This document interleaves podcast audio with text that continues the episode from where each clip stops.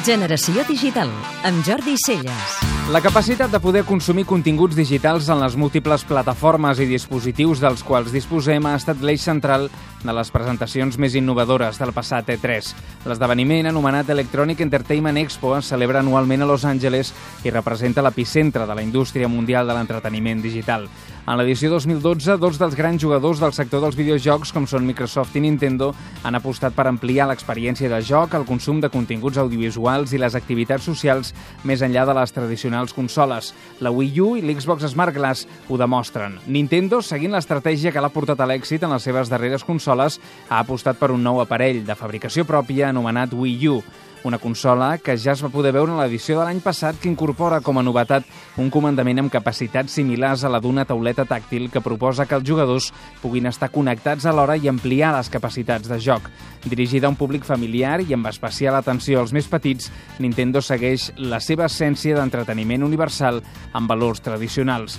Per la seva banda, Microsoft ha presentat una proposta amb una filosofia de fons similar a la Wii U, però amb un format radicalment diferent i amb moltes més possibilitats d'èxit.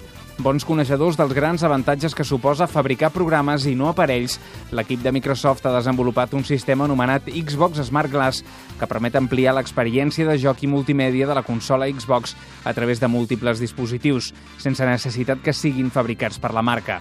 A través de les aplicacions Smart Glass es podrà controlar el contingut de la consola per ser reproduït a la televisió amb un comandament a distància.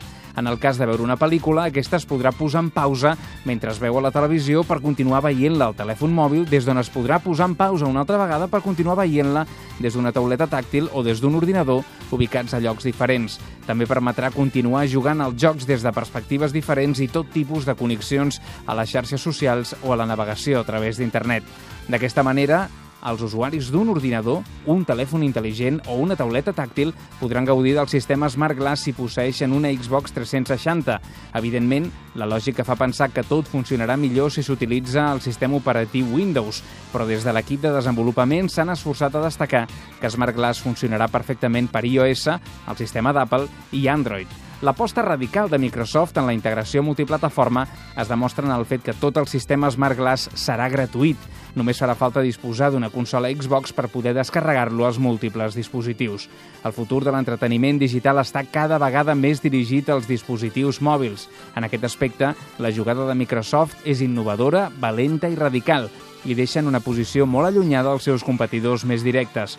Farà falta veure si els usuaris massius valoren aquest servei i tenen la destresa suficient com per utilitzar-lo i el converteixen en un valor diferencial capaç de trencar el mercat. Podeu escoltar Generació Digital cada dissabte de 4 a 6 de la tarda a Catalunya Ràdio.